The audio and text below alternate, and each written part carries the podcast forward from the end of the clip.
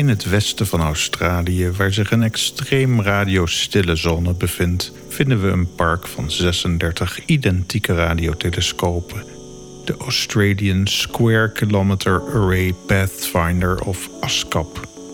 Deze gecombineerde radiotelescoop is nog geen 10 jaar in gebruik. Op dit moment wordt de telescoop gebruikt voor twee grote onderzoeken op het gebied van de radiosterrenkunde. Project 1 heet Wallaby, wat staat voor Whitefield ASCAP L-band Legacy All Sky Blind Survey. Tuurlijk. Dit project onderzoekt bijna de gehele sterrenhemel op de frequentie van neutraal waterstof, ook wel de 21 centimeter golflengte.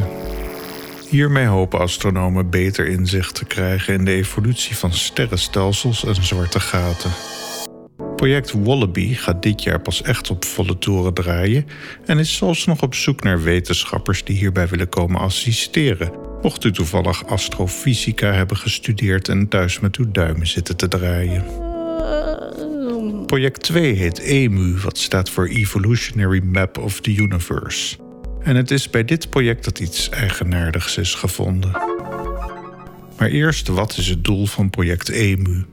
Ongeveer 400 astronomen uit maar liefst 21 verschillende landen werken mee aan dit project dat zich als doel stelt nieuwe radiobronnen te detecteren.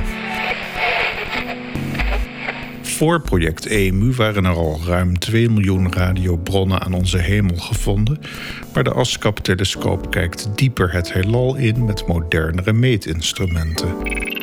En zo hopen de astronomen 70 miljoen nieuwe radiobronnen te ontdekken. Door betere apparatuur kan dieper het heelal in en dus verder terug in de tijd gekeken worden. Al met al zal project EMU dus sterrenstelsels in allerlei stadia van de evolutie vinden, die allemaal op een bepaalde manier radiostraling genereren. Maar alles wat radiostraling uitzendt heeft interesse, dus ook sterren, resten van sterren en allerlei objecten die we nog nooit gezien hebben. I say, what is this? Die laatste categorie noemen ze bij de ASCAP-project WTF. We weten natuurlijk allemaal waar die afkorting voor staat. What the f? Nee, nee, nee. Whitefield Outlier Finder. In deze verzamelbak komen vreemde waarnemingen aan de radiosterrenhemel. En daar vinden we ook ons onderwerp van vandaag. De Alt Radio Circle. Letterlijk vertaald een vreemde radiocirkel. Op het moment dat ik deze column inkakel, zijn er vijf van deze vreemde radiocirkels bekend. De eerste Old Radio Circle werd in 2019 ontdekt door astronoom Anna Kapinska, die inderdaad werkzaam is voor het hiervoor genoemde project EMU. Alle ORC's, zoals we ze vanaf nu zullen noemen, zijn ongeveer een boogminuut in diameter vanaf ons gezien. Maar dat is waarschijnlijk gewoon toeval. Hens, kan je dit iets beter uitleggen? Een boogminuut is 1 zestigste van een graad. En hoeveel is een graad aan de hemel? Leg dat nu nog maar eens uit, zodat ik het ook begrijp. Het idee is dat we op allerlei punten aan de hemel een denkbeeldige cirkel zouden kunnen tekenen, met het middelpunt van de aarde als centrum, en dat zo'n cirkel dan uit 360 graden bestaat. Van een willekeurig punt aan de horizon recht over uw hoofd naar de andere kant van de horizon is dan 180 graden.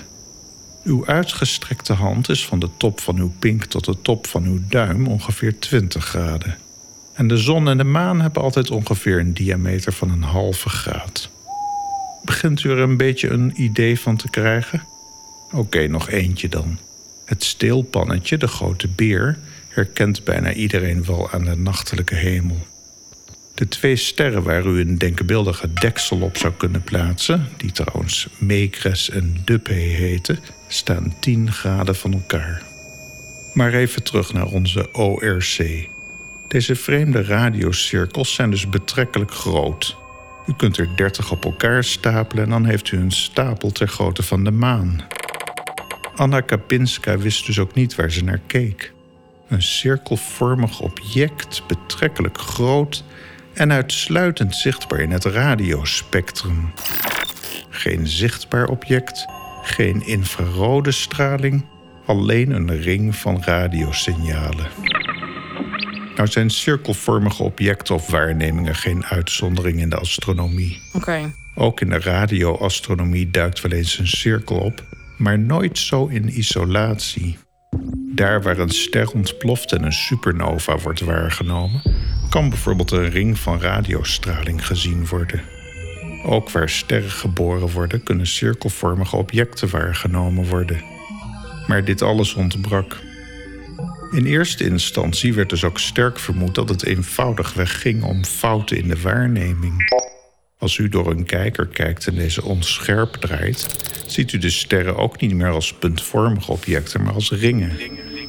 Nu ligt het bij een radiotelescoop net wat anders, maar u krijgt wel een idee van wat er bedoeld wordt, hoop ik. Maar ja, toen dook er ook nog een ORC op in oude data uit 2013 van de Giant Meter Wave Radiotelescoop. De ORC's die tot nu toe zijn gevonden staan allemaal relatief ver weg van het vlak van onze Melkweg. Als u deze zomer toevallig de Melkweg heeft gezien, dan zag u hopelijk een band van licht met wat donkere vlekken. Dat is een zijaanzicht van een groot deel van de Melkweg waar wij deel van uitmaken. Maar het is een band. Het is niet zo dat de hele hemel vergeven is van Melkweg. Die melkweg van ons is dan ook relatief plat, iets wat we bij heel veel sterrenstelsels zien. Die platte schijf van zo'n 200 tot 400 miljard sterren draait dus door een denkbeeldige schijf, het galactische vlak.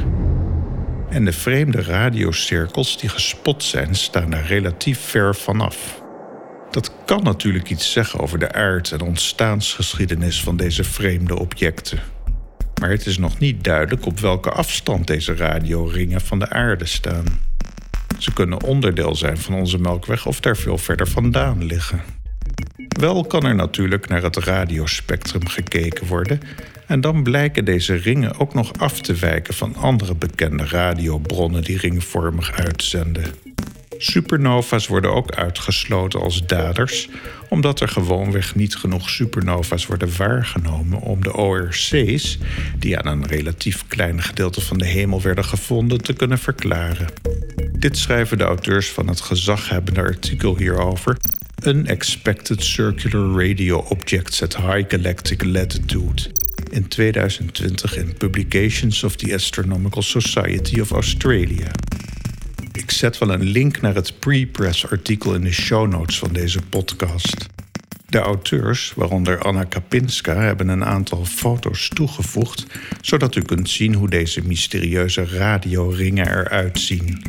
Omdat we met onze ogen natuurlijk geen radiostraling kunnen waarnemen, zijn deze frequenties voor dergelijke foto's vertaald naar zichtbaar licht, een gebruikelijke procedure in de astrofysica. Het ziet er naar uit dat de astronomie oog in oog staat met een geheel nieuw verschijnsel, waar nog een oorzaak van moet worden ontdekt. Ik hoor sommigen van u denken als een beschaving een tijd lang uitzendt op radiofrequenties en dan verloren gaat, dan ontstaat er toch ook een cirkel van radiostraling? Ja, daar heb ik ook aan gedacht. Maar een dergelijke extreme hypothese vraagt ook om extreem bewijs. Wellicht als we ooit telescopen kunnen bouwen die veel dieper het heelal in kunnen kijken. Of als wij kunnen reizen tussen de sterren. Wie weet vinden we dan vergane planeten precies in het midden van zo'n radiocirkel. Waar de antieke zendmasten van verloren generaties nog op staan te pronken. Maar zover is de wetenschap nog lang niet. En tot die tijd is het misschien beter om naar natuurlijke bronnen te speuren. Want wie weet is het uiteindelijk toch gewoon een natuurlijk resultaat van een astronomische gebeurtenis. Wij blijven nog wel even afgestemd aan de radiohemel, nietwaar? En oh ja, Hi, ik ben Lizzie en ik werk bij Andere Tijden. En Andere Tijden gaat met de tijd mee. Zo komt er een YouTube-kanaal. En heb je vragen over het heelal? Mail dan naar henszimmerman.gmail.com. tot de volgende keer. Dan wordt deze column ook weer uitgezonden in het weergaloos Goede Nachtprogramma NTR Focus Wetenschap.